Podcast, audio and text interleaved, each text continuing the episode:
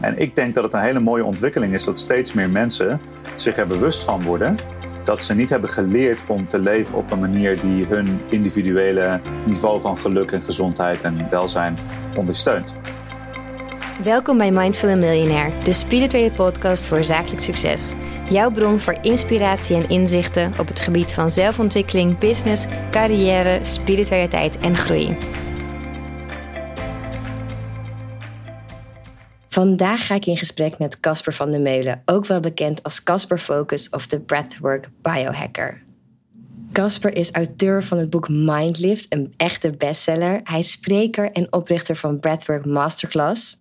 En hij is eindeloos geïnteresseerd in de wetenschap van focus, flow, biohacking, ademhaling, het zenuwstelsel en alles gerelateerd aan zelfoptimalisatie. Welkom, Casper. Superleuk om jou te mogen interviewen voor de podcast. Ja, dankjewel. Ja, ik zag jou onlangs bij de Entrepreneurs Organization en ik dacht, ja, ik moet jou echt vragen als gast, want het is natuurlijk helemaal de perfecte combinatie. Je gaf een ademworkshop en allemaal ondernemers waarvan de meesten nog nooit zoiets gedaan hadden. Hoe voelt zoiets voor jou om ja, jouw passie zeg maar zo over te brengen aan mensen die er niks mee hebben of nog misschien nog niks mee hebben? Ja, ik vind het superleuk. Ik vind het superleuk, want ik heb, ik heb zeg, maar een aantal verschillende soorten publiek. En ik heb echt zeg maar mijn kernpubliek. Echt uh, nou, mijn niche ook wel. Uh, die ken ik heel goed en uh, dat groeit heel stabiel. En daar draait eigenlijk zeg maar de core business op, om het zo te zeggen. En dat is echt een tribe die aan het groeien is met echt gelijkgestemde mensen. En het is heel bijzonder om daarvoor te kunnen werken, te kunnen spreken en, en mensen te kunnen begeleiden in processen, omdat zij echt precies weten waar het over gaat. Ja, cool. En, maar die, die groep die is natuurlijk gevormd vanuit dat ik best wel een poosje op, op podia sta en een publiek bereik van mensen die mij niet kennen of die er niet mee bekend zijn.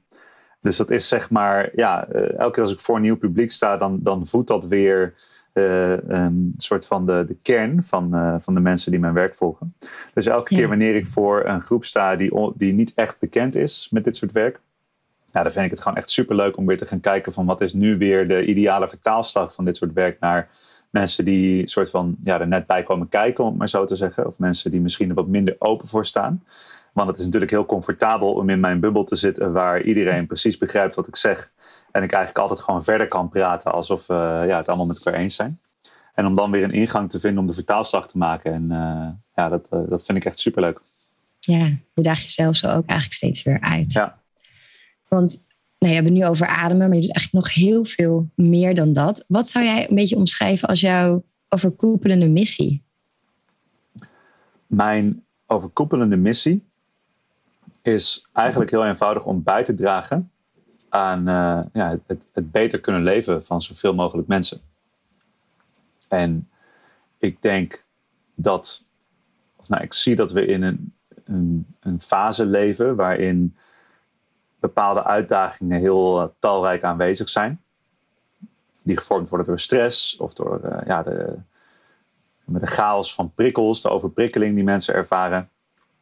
Allerlei chronische klachten die mensen ontwikkelen, burn-outs en dit soort dingen. En ja, ik, ik vind het een hele mooie tijd om in te leven, omdat ik zie dat er een ander pad mogelijk is. Dus we zijn eigenlijk, hoe ik het zie, is we zijn een beetje op een kantelpunt waar er is de afgelopen, zeg maar, 200, 300 jaar is er een maatschappij ontwikkeld die heel erg gefocust is op productiviteit, op um, conformisme in een zekere zin. Hè? Dus zoveel mogelijk mensen zoveel mogelijk dezelfde dingen doen. En onze, onze maatschappij is gebouwd op fabrieken eigenlijk. Uh, en het onderwijs is gebouwd op fabrieken. Dus eigenlijk zoveel mogelijk mensen die dezelfde dingen op hetzelfde moment en hetzelfde soort eten.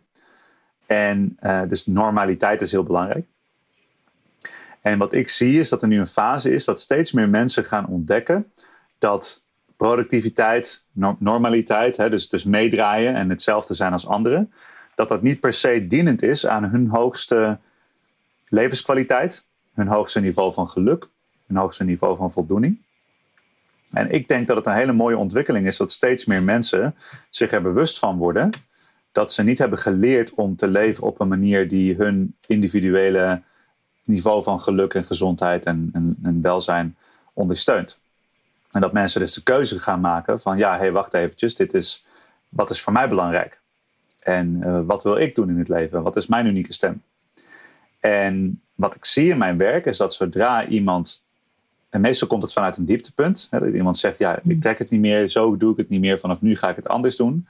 Ze hebben een, een moment van zelfbewustzijn van, hé, hey, ik wil eigenlijk op een andere manier in het leven staan. Dan gaan ze op zichzelf focussen. En dan de volgende stap, zodra ze zich echt gaan uiten en echt hun eigen vorm van expressie vinden die bij hun past, dan gaan ze dat ook willen doorgeven. En dan gaan ze bijvoorbeeld beter voor het milieu zorgen en beter voor anderen zorgen. Of ze willen het gaan uitdragen en het gaan delen. Dus dat is zeg maar een beetje het proces. En ik zie voor mij, mijn missie is het in dienst staan van dat proces. En dat is stap voor stap. Soms een heel groot publiek, soms een hele kleine sessie, soms in een podcast, soms via een boek of wat het ook is. Als ik maar ergens kan bijdragen aan, aan die beweging die mensen aan het maken zijn. Dat is voor mij eigenlijk waar het over gaat. Ik vind het ook heel mooi dat je zegt inderdaad met productiviteit. Want ik merk dat het vaak het eerste waar mensen aan denken bij mindful miljonair, spiritualiteit en zakelijk succes. Van als je mindful wordt, dan kun je langer werken of harder werken. Maar voor mij is ja, die, die, die combinatie is veel, veel breder dan alleen dat. Hoe, hoe zie jij de verbinding tussen het spirituele en het zakelijke, of het spirituele en jouw eigen business? Waar ligt die verbinding? Nou, die ligt overal. Maar ja, als je in het spirituele gaat verdiepen, dan zie je natuurlijk dat alle verbindingen altijd overal liggen. Maar dat is een beetje een flauw antwoord. maar kijk, ik heb ook wel eens uh, gehad dat ik dan um, gevraagd werd voor bedrijven om trainingen te komen geven rondom stressbestendigheid, weerbaarheid, uh, mentaal en mentale fitness, mindfulness, dit soort dingen. Ja. En dan vraag ik ook aan de mensen die mij uitnodigen van, oké, wil je dus dat, dat ik mensen kom leren om iets meer mindful en iets stressbestendiger te zijn, zodat je ze 10%, 15% meer kan belasten. dus wil je dat ze 20% weerbaarder zijn, zodat je ze 20% meer kan belasten voordat ze uiteindelijk stuk gaan? Of wil je echt dat mensen echt bewust gaan worden van wat er in zich speelt? En dat ze echt vragen gaan stellen over wat is goed voor mij. En waarbij dus de kans hoort dat mensen zeggen van... hé, hey, maar wacht even, deze bedrijfscultuur die werkt niet voor mij. Ja. Nou, en, dan, en dan vaak zeggen ze na die vraag... al, we zoeken wel iemand anders. Ja, maar. um, ja. Kijk, het is mijn ja, dat zijn wel keuzes die jou heel dicht bij jouzelf houden. Maar je wel inderdaad, dat vind ik wel heel knap. We lachen er nu om, maar er zijn natuurlijk heel veel mensen die denken... ja, ik zeg toch maar ja, want ik kan niet veel geld verdienen. Nou ja, maar dat was in het begin ook zo hoor. Eh, ja. Kijk, het is ook zo dat ik heb natuurlijk... Het, het knap, ik, ik, kan natuurlijk heel comfortabel die keuze maken nu. Omdat ik, toen ik begon met het werk, toen nam ik alles aan. Maar ook aan de ene kant omdat het soort van nodig was, dat is de ZZP'er mindset. Maar tegelijkertijd ook om te ontdekken van wat is mijn stem, wat is mijn publiek, uh, waar, kan ik, uh, ja, waar kan ik impact hebben en wat is echt belangrijk. Maar op den duur, en dit is heel belangrijk denk ik voor, uh, voor iedereen, voor elke ondernemer, is de vraag van ja, wat, wat is mijn ideale, wat is ideale klanten is het, maar het is ook van wat is, wat is de plek waar de, waar de beste omzetting is? Waar, waar heb je leverage? Mm. En leverage gaat natuurlijk ook over hoe kan ik met, met de juiste hoeveelheid inzet een maximale hoeveelheid winst maken. Dat is hoe vaak een leverage gedacht wordt. Maar de leverage is ook waar, waar ben ik het beste van dienst? dus hoe kan ik het meeste impact maken met mijn unieke zeg maar, zone of genius or, of, of uh, ja, mijn, mijn unieke boodschap? Waar is die het meest van toepassing. En als de uitnodiging komt uh, en het is al duidelijk dat ze eigenlijk op een hele andere manier erover denken, ja, dan, dan is het gewoon heel goed om te weten of het een match is of niet. Want het is voor dus hun tijd is duur, mijn tijd is duur. En als we samenkomen, dan moet het wel echt opleveren wat het op mag leveren. Maar goed, om, om die vraag verder te beantwoorden over het spirituele. Kijk, het is mijn opvatting, voor mij persoonlijk, dat uh, ja, we, we leven nu een tijdelijk menselijk leven. En dan op den duur eindigt dat, dat tijdelijke menselijke leven. En het is mijn opvatting dat dat tijdelijke menselijke leven in dienst staat van iets wat veel groter is dan dit tijdelijke menselijke leven. En binnen die tijdelijkheid zijn natuurlijk je onderneming uh, en je geld en je status en wat je verzamelt aan bezittingen, uh, maar ook de impact die je maakt, maar ook je gezondheid. Het zijn allemaal tijdelijke middelen om bij te dragen aan iets groters. Aan, aan, of hogers of breders, ja, of welke richting je maar in wilt denken. En dat is voor mij uiteindelijk het grote onderzoek. dus ik, ik weet van praktisch gezien moet ik eh, bepaalde structuren bouwen, mensen aannemen, op de juiste plek zetten en ehm, bepaalde doelen behalen, bepaalde mensen bereiken. Maar er is een soort van constante ondertoon van ehm, het gevoel van bijdragen aan iets is wat veel groter dan dat. Uh, en dat, dat ik een bepaalde ontwikkeling doormaak, ja, op het fysieke op het uh, financiële, op het zakelijke, op uh, dat, dat veld. Maar dat het tegelijkertijd dat bijdraagt aan een, aan een grotere evolutie op het spirituele. Hè? Dus op het, op het deel van mij wat als alles afgelopen is, niet afloopt. Ja. Dus dat is hoe ik, dat, hoe ik die verbinding zie. Heel mooi.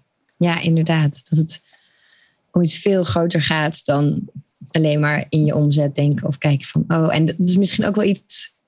Aan de ene kant is het heel mooi dat adem en alles zo populair wordt. En aan de andere kant denk je ook soms, oh, nu wordt het bijna een soort van, van business. Maar het is ook iets zoiets meer spiritueels of zo. Het is, ja, het is heel goed dat het heel populair wordt en alles. Dat is altijd natuurlijk lastig. Want wat ik ook heel mooi vond, dat omschreef je volgens mij uh, in jouw boek over die 30 dagen experimenten. Van, ik, oh, ik vond dat zo herkenbaar. Je zegt dat het gaat eigenlijk om het oefenen van een skill. En niet dat je daar direct een doel mee behaalt. Maar ik denk, ik zit zelf ook altijd zo op de doelen en alles. Maar inderdaad, het gaat om dat we een skill leren.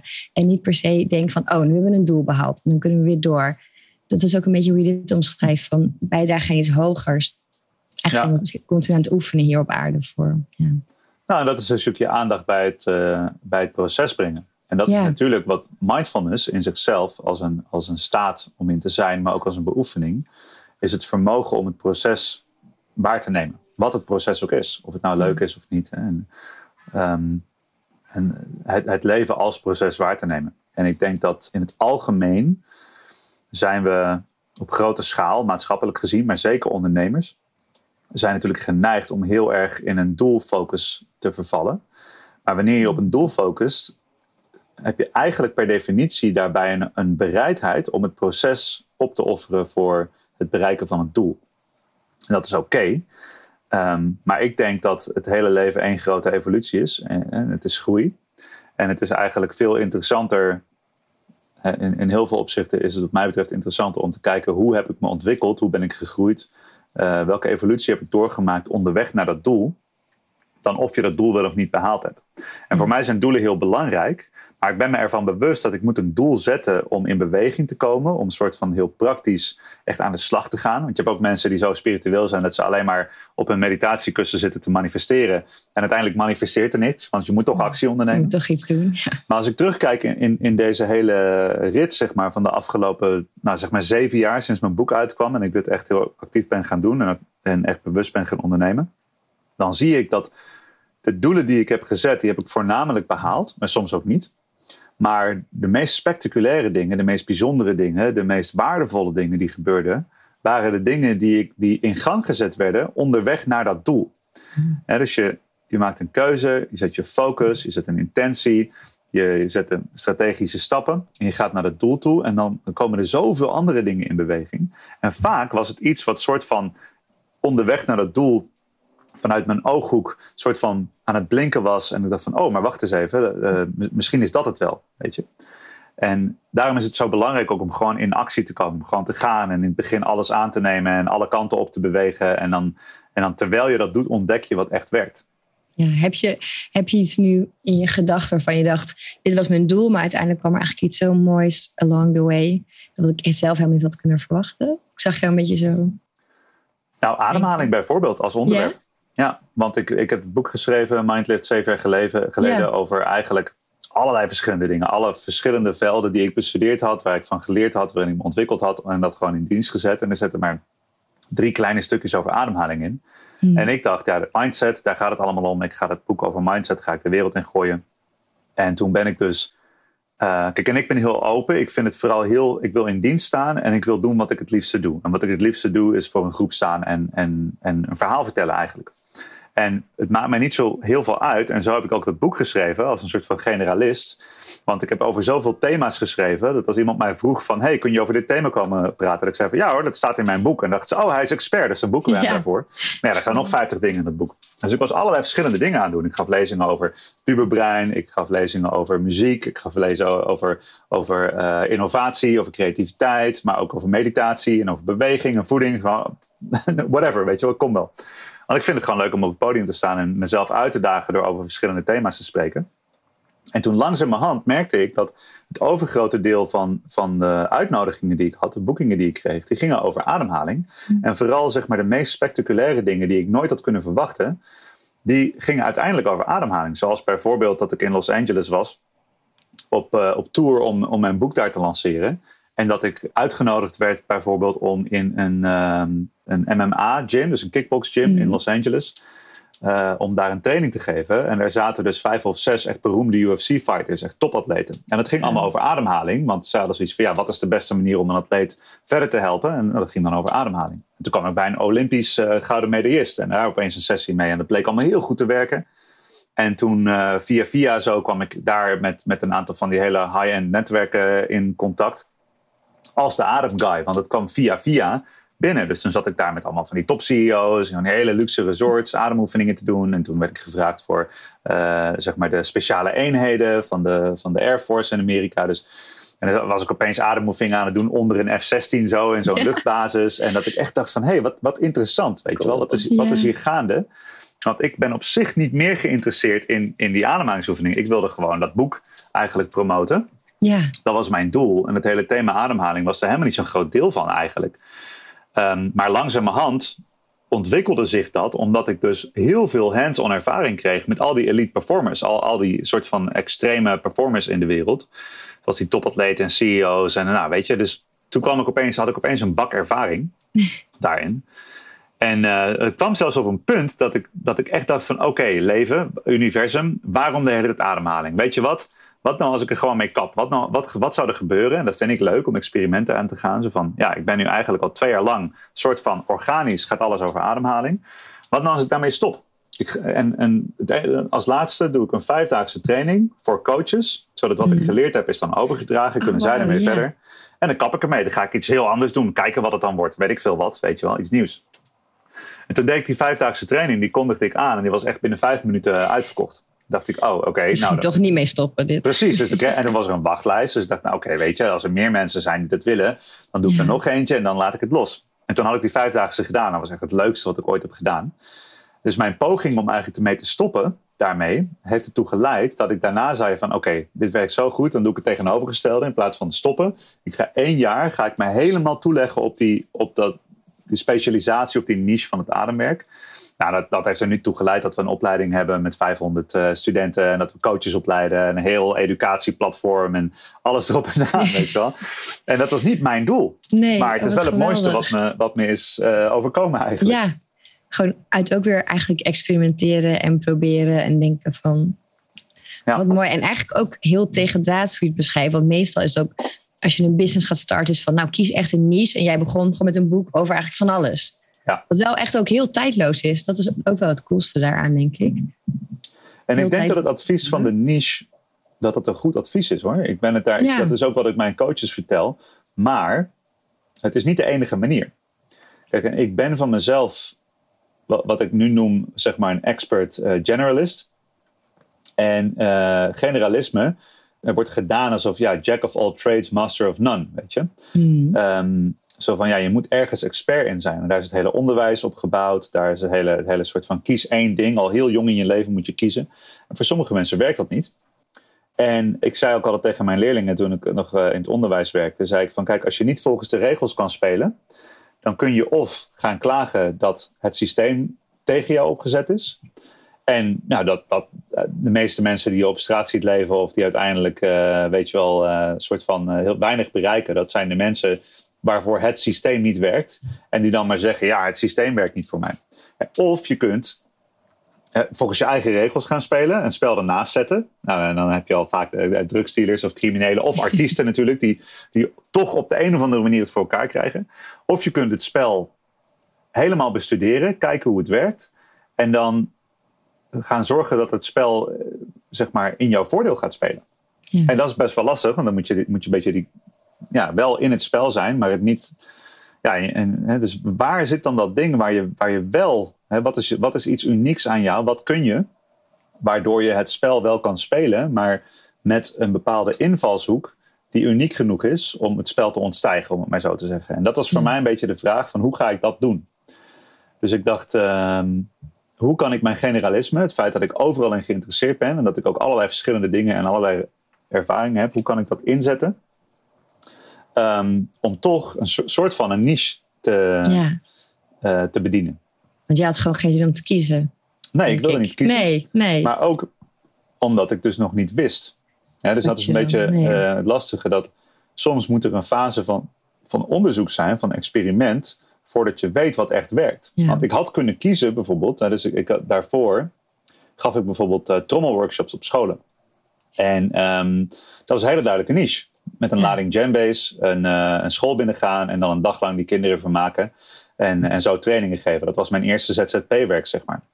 En uh, als ik daar 100% op had toegelegd, dan zou ik nu nog steeds waarschijnlijk voor 300 euro per dag 50 jambase en een enorme bak werk die kinderen aan het vermaken zijn. Wat op zich niks mis mee is, als dat is wat je wil doen.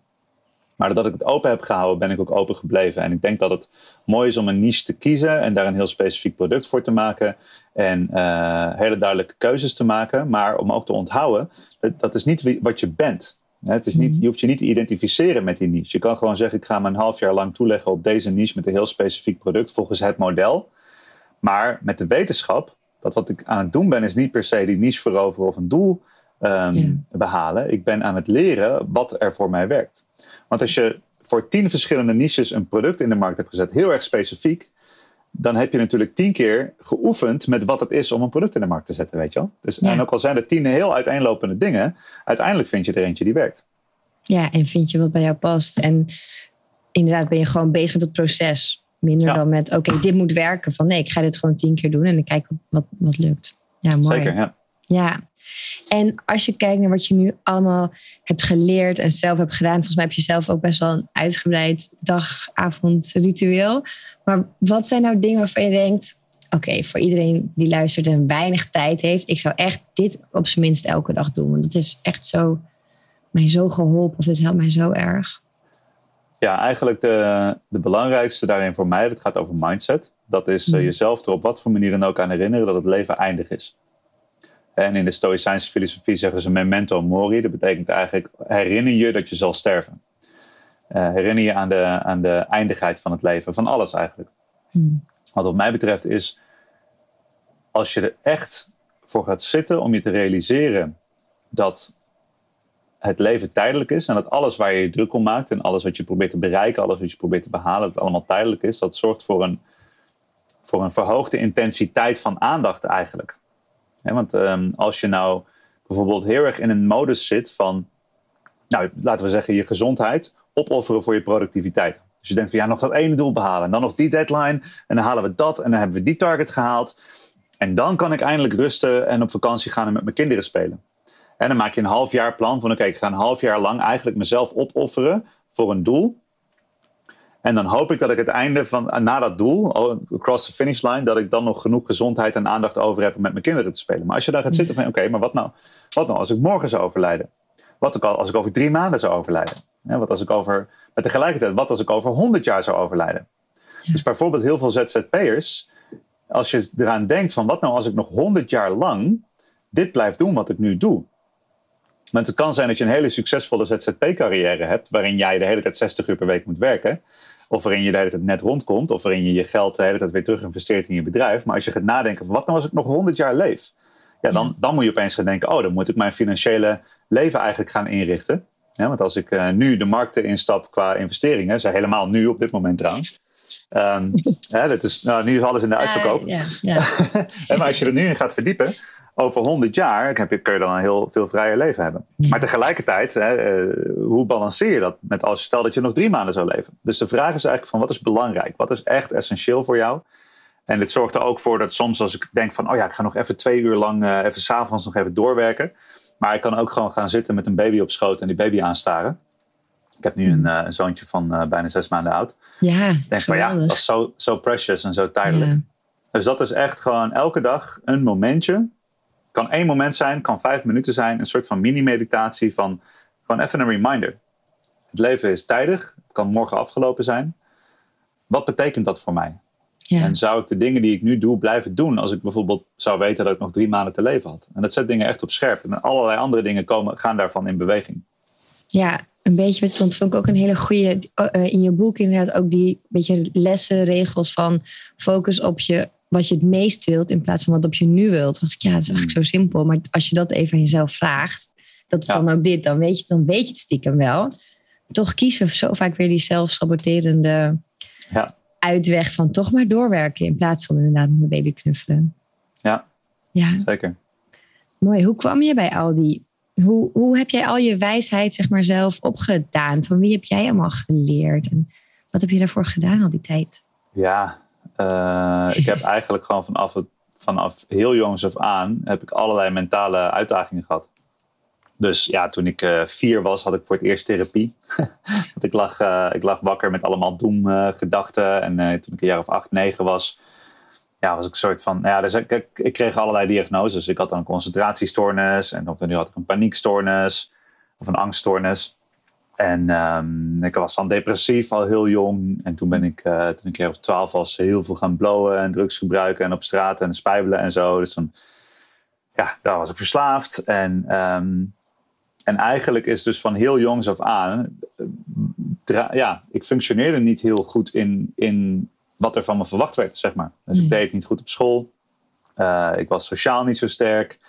Uh, ik was fysiek. Uh, dus ik was, altijd, ik was het dikke jongetje van de klas en zo. Dus ik ben ja, eigenlijk altijd gezegend geweest met heel veel uitdagingen. Al heel, van heel jongs af aan. Yeah. Zonder dat het heel duidelijk was. Kijk, ja, maar ja ik, was, ik had dan een alleenstaande moeder. En die ons voor ons zorgde. En die, die had alle twee of drie banen. En ze was altijd aan het werk en zo. Met tegelijkertijd is ook niet zo dat ik het gevoel heb dat ik het leven met een achterstand ben begonnen. Weet je, ik bedoel, mijn ouders en mijn opa's en oma's zijn allemaal hoog opgeleid en uh, hebben allemaal, uh, ja, we hebben een hele, hele, hele fijne familiestructuur. Maar toch was er voor mij een soort van, ik, ik, ik was niet verenigbaar met, met een standaard, met de verwachtingen. Mm. En ja, dan kun je dus vanaf heel jongs af aan of dat aannemen en ja, het pad gaan bewandelen van hoe daarop gereageerd wordt. Hè. Dus mijn moeder die ging dan met al, met al die mentale klachten van mij, ging ze wel langs artsen en psychologen om, uh, om kennis in te winnen. Maar zodra iemand zei van, um, oh, dit is de diagnose, dit is het label en hij moet uh, dit pilletje daarvoor hebben of zo, dan zei ze, oké, okay, doei. En dan ging ze weer ergens anders kijken.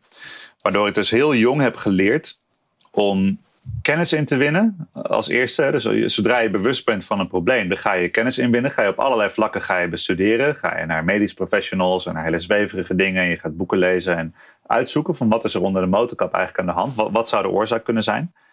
En dan ga je uitzoeken als eerste wat je zelf kan doen om daar een, een stap in te maken. Nou, dus op de duur toen ik een jaar of elf was, toen kwamen we bij een uh, mevrouw die werkte met spiertesten. Uh, wat in heel veel opzichten als heel vaag en zweverig gezien wordt. Wat steeds meer soort van in, ja, wel erkend wordt. En, um, en toen zei zij van, ja oké, dus uh, geen suiker uh, en geen, um, geen melkproducten. En nog een aantal andere dingen die eruit kwamen. Hele specifieke kleurstoffen en zo. Toen zei mijn moeder ook tegen mij van, oké, nu weet je dus dat als je... Hè, we gaan nu onderzoeken wat de link is tussen wat je eet en hoe je je voelt. Ja. En om dat goed te kunnen doen, moet jij dus ook zelf de ingrediënten gaan lezen van alles wat je eet. En als je dan een van die dingen ziet staan die je niet zou eten, dan, uh, dan, dan stop je het niet in je mond. Zo eenvoudig is het. En dat ben ik toen gaan doen. Uh, dus ik kreeg zelf de regie in mijn handen. Ik kreeg zelf de verantwoordelijkheid. Dat was heel belangrijk. Zo jong, dat was altijd ja. de boodschap van mijn moeder van hey, het is jouw Mooi. verantwoordelijkheid. Wel met ondersteuning natuurlijk, maar mm -hmm. je moet het zelf leren.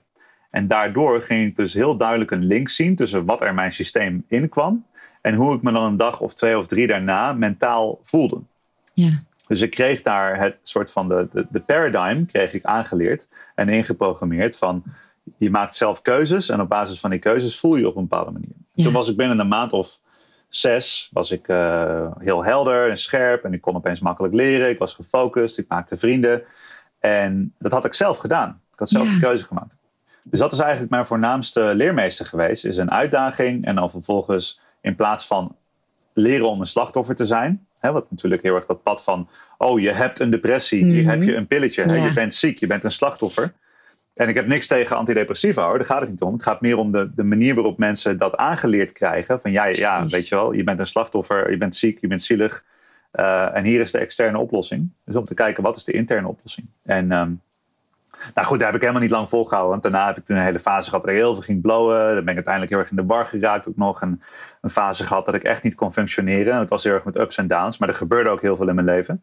Uh, in mijn directe omgeving. Uh, een vriend van mij pleegde zelfmoord. En er uh, was best wel wat agressie ook in. nou goed, allemaal verhalen. Ik was veel op straat en zo. Ik werd gepest op school. En toen vond ik al heel vroeg eigenlijk, toen ik een jaar of 16, 17 was, toen vond ik boeddhisme via krijgskunsten. Dus ik was kung fu gaan trainen en, Mm. en ninjutsu. dat was de eerste keer dat ik echt een beetje een soort van controle kreeg weer over mijn mind. Ja, Want er waren ook hele sterke, hele sterke mannelijke rolmodellen. En er waren plekken waar mensen autoriteit hadden, eh, die ik accepteerde. En ik accepteerde autoriteit nooit.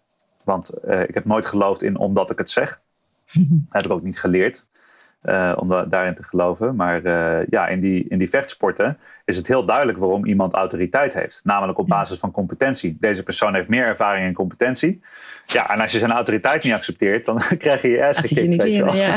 Dus, ehm, maar goed, en eh, zo, dus zo ben ik eigenlijk in de Oosterse leren gedoken. In, in, in de Japanse filosofieën en in het boeddhisme en zen en hindoeïsme. Dus toen ik jaar 15, 16 was, toen, eh, ja, is inmiddels 20 jaar geleden, toen ben ik eh, die boeken gaan lezen van de Dalai. Lama. Dus dat wa- was voor mij ehm, ja, de eerste echte soort van formele bron waar ik dan eh, echt op ging studeren. Ja. Wat mooi, maar eigenlijk is ook heel jong geleerd van inderdaad ook niet het eerste antwoord eh, gewoon accepteren, gewoon op zoek gaan, op onderzoek gaan en het dan ook zelf weer testen. Dat is ook wel heel Ja. mooi. En dan- Ja, en het is een zegen, want als je dus in het systeem past, dan heb je Mhm. niet door dat je in een systeem zit. Zeg maar, Nee. als een vis die Nee. niet weet dat hij in het water zit. Als je niet in het systeem past, dan heb je door dat er een systeem is en dat je daar dus mee kan werken. En dat, dat is Ja. heel fijn. Ja. Ja, wat eh, ja, ja, bijzonder ook. Klinkt ook zwaar, maar ook wel heel mooi. En helemaal heel mooi hoe jij hieruit bent gekomen en nu daar zoveel Ja. mensen mee kan Het helpen. is niet de makkelijke weg, maar er Nee. is wel op. Nee, en soms is die er misschien niet. Inderdaad, dan ja. Dankjewel voor dit delen ook. Als ehm, we zijn alweer een half uur bezig, gaat echt snel. Als, als allerlaatste, wat, wat is een les die je met ons zou willen delen? Een inzicht? Nog echt alles zijn. Nou, ik denk dat het heel goed is om eh, te gaan onderzoeken wat de link is tussen je staat van zijn, waarin je je bevindt, en de manier waarop je ademt. En dat kun je op duizend manieren doen. En ik heb eh, eindeloze educatieprogramma's voor ademhaling. Maar eigenlijk is het heel eenvoudig. Je gaat gewoon zitten en dan ga je bewust worden van je ademhaling. Dus je kijkt eigenlijk van in welke staat ben ik? Hoe ben ik aan het ademen? En dan ga je je ademhaling vertragen, verlangzamen, door langzaam uit te blazen. En dan ga je zien dat zodra je je ademhaling vertraagt, dat je hartslag omlaag gaat. Dat, dat je stressniveau vermindert. En dat je daardoor een andere soort gedachte krijgt, een andere kwaliteit gedachte. En dat is eigenlijk het veld waar ik de afgelopen jaren het meest van heb geleerd. Door gewoon te gaan zitten, mezelf te observeren. Hè, dus dat is eigenlijk mindfulness. En dan daarvan uit iets te gaan veranderen. Nou, het makkelijkste, het meest directe om te veranderen is je ademhaling. Dat heb je altijd. En te gaan kijken hoe je staat van zijn verandert. Je vermogen om mindful te zijn. Je vermogen om, om rustige, hoge kwaliteit gedachten te hebben. Hoe dat verandert met dat je je ademhaling verandert. En uh, dat, dat is eigenlijk in één minuut samengevat waar, waar al mijn educatie in, in ademwerk over gaat. Om die link te leren begrijpen. Ja, echt dat verstillen en dan dat bewustzijn. Ja. Mooi. En heel simpel inderdaad. Hmm. Geloof, heb jij zelf, je hebt zelf wel een langer uh, ritueel, denk ik, per dag. Momenteel niet. Nee, Nee? momenteel, kijk, ik heb een, uh, ik heb een babytje. Je hebt een kindje, ja. En Dat is- uh, dus de, de, de, zo een jaar voordat hij uh, geboren werd, was, zat ik een hele goede routine. Dat ik elke ochtend een half uur tot een uur voor mezelf had. En dat ik echt bepaalde beoefeningen doorging. Maar kijk, de reden om routine te hebben en de reden om die vaardigheden op te bouwen in de tijden dat je er tijd voor hebt en dat het goed is, is zodat je dat kan gebruiken als er een uitdaging komt. En dat geldt overal. Hè. De hele reden om bijvoorbeeld financieel je, je zaken heel goed te regelen en je onderneming, hè, dus in, in tijden van abundance, Hmm. kun je heel veel opbouwen. En je kunt niet altijd maar alleen maar abundance hebben, maar dat kun je dan vervolgens gaan inzetten en gebruiken in de tijd dat het leven iets anders van je vraagt. En dus bijvoorbeeld, vorig jaar zat ik echt heel goed in mijn dagelijkse oefening, echt een uur per dag voor mezelf. Nou, en toen kwam de baby en toen dacht ik van ja, dat is nu het allerbelangrijkste. Dus ik, ga niet, ik heb geen zin om een, om een uur weg te stappen van het leven Nee. uh, om mijn oefeningen te doen. Dus wat ik nu eigenlijk doe, is precies wat ik net zei. En dat doe ik meerdere keren per dag, maar vooral op de momenten dat ik merk van hé, hey, wacht even, ik ben even niet in de juiste staat. En dat is voornamelijk s'nachts, want ik slaap dan met de baby. Want uh, ja, als, als moeder ben je totaal anders verbonden. Dus als, ja, als die baby één scheet laat, dan ligt mijn vrouw meteen twee uur wakker. Ja. En ik kan wat makkelijker doorslapen. Maar ik word wel vijf, zes keer per nacht wakker. Dus elke keer als ik wakker ben, dan lig ik even wakker. En dan is het van, oh ja, wat doet mijn ademhaling? Oh ja, wat doen mijn gedachten? Wat is de link? Oh, dan ga ik mijn ademhaling verminderen. Hey, mijn gedachten worden rustiger. Ik voel dat ik slaperig word. Weet je wel? En dan word ik wakker en dan ben ik een beetje suf, want ik heb niet goed geslapen. Oké, dus, dus ze zeiden het observeren, observeren. Dus nu is het echt, de beoefening zit niet meer los van het leven. Ik heb Nee. heel veel geoefend en nu kan ik Ja. dus midden in het leven, op de momenten dat het moeilijk is, kan ik de hele tijd checken van, oh ja, welke tools heb ik? Dat is uiteindelijk waar het natuurlijk om gaat, wat mij betreft. Ja, dat is wel heel mooi om er zo naar te kijken. Want meestal ga je dan toch een beetje schuldig voelen als je die training niet doet. Maar als je gewoon ziet als ik heb gewoon heel goed geoefend voor dit, is het eigenlijk veel fijnere manier om te doen. Ja. Dank. Wat mooi. Ja, dank je wel voor alles wat je hebt gedeeld en ons hebt geleerd. Nou, heel graag gedaan. Ja, Dat is altijd leuk. ja, dank je luisterde naar Mindful Millionaire, de podcast. Ik hoop dat deze episode je nieuwe inzichten, inspiratie en ideeën heeft gegeven. Mocht dat zo zijn, dan ben ik je super dankbaar als je deze podcast deelt, volgt, reviewt of een shout-out geeft op Instagram via Steffi Roos Dimene. Dankjewel en tot snel.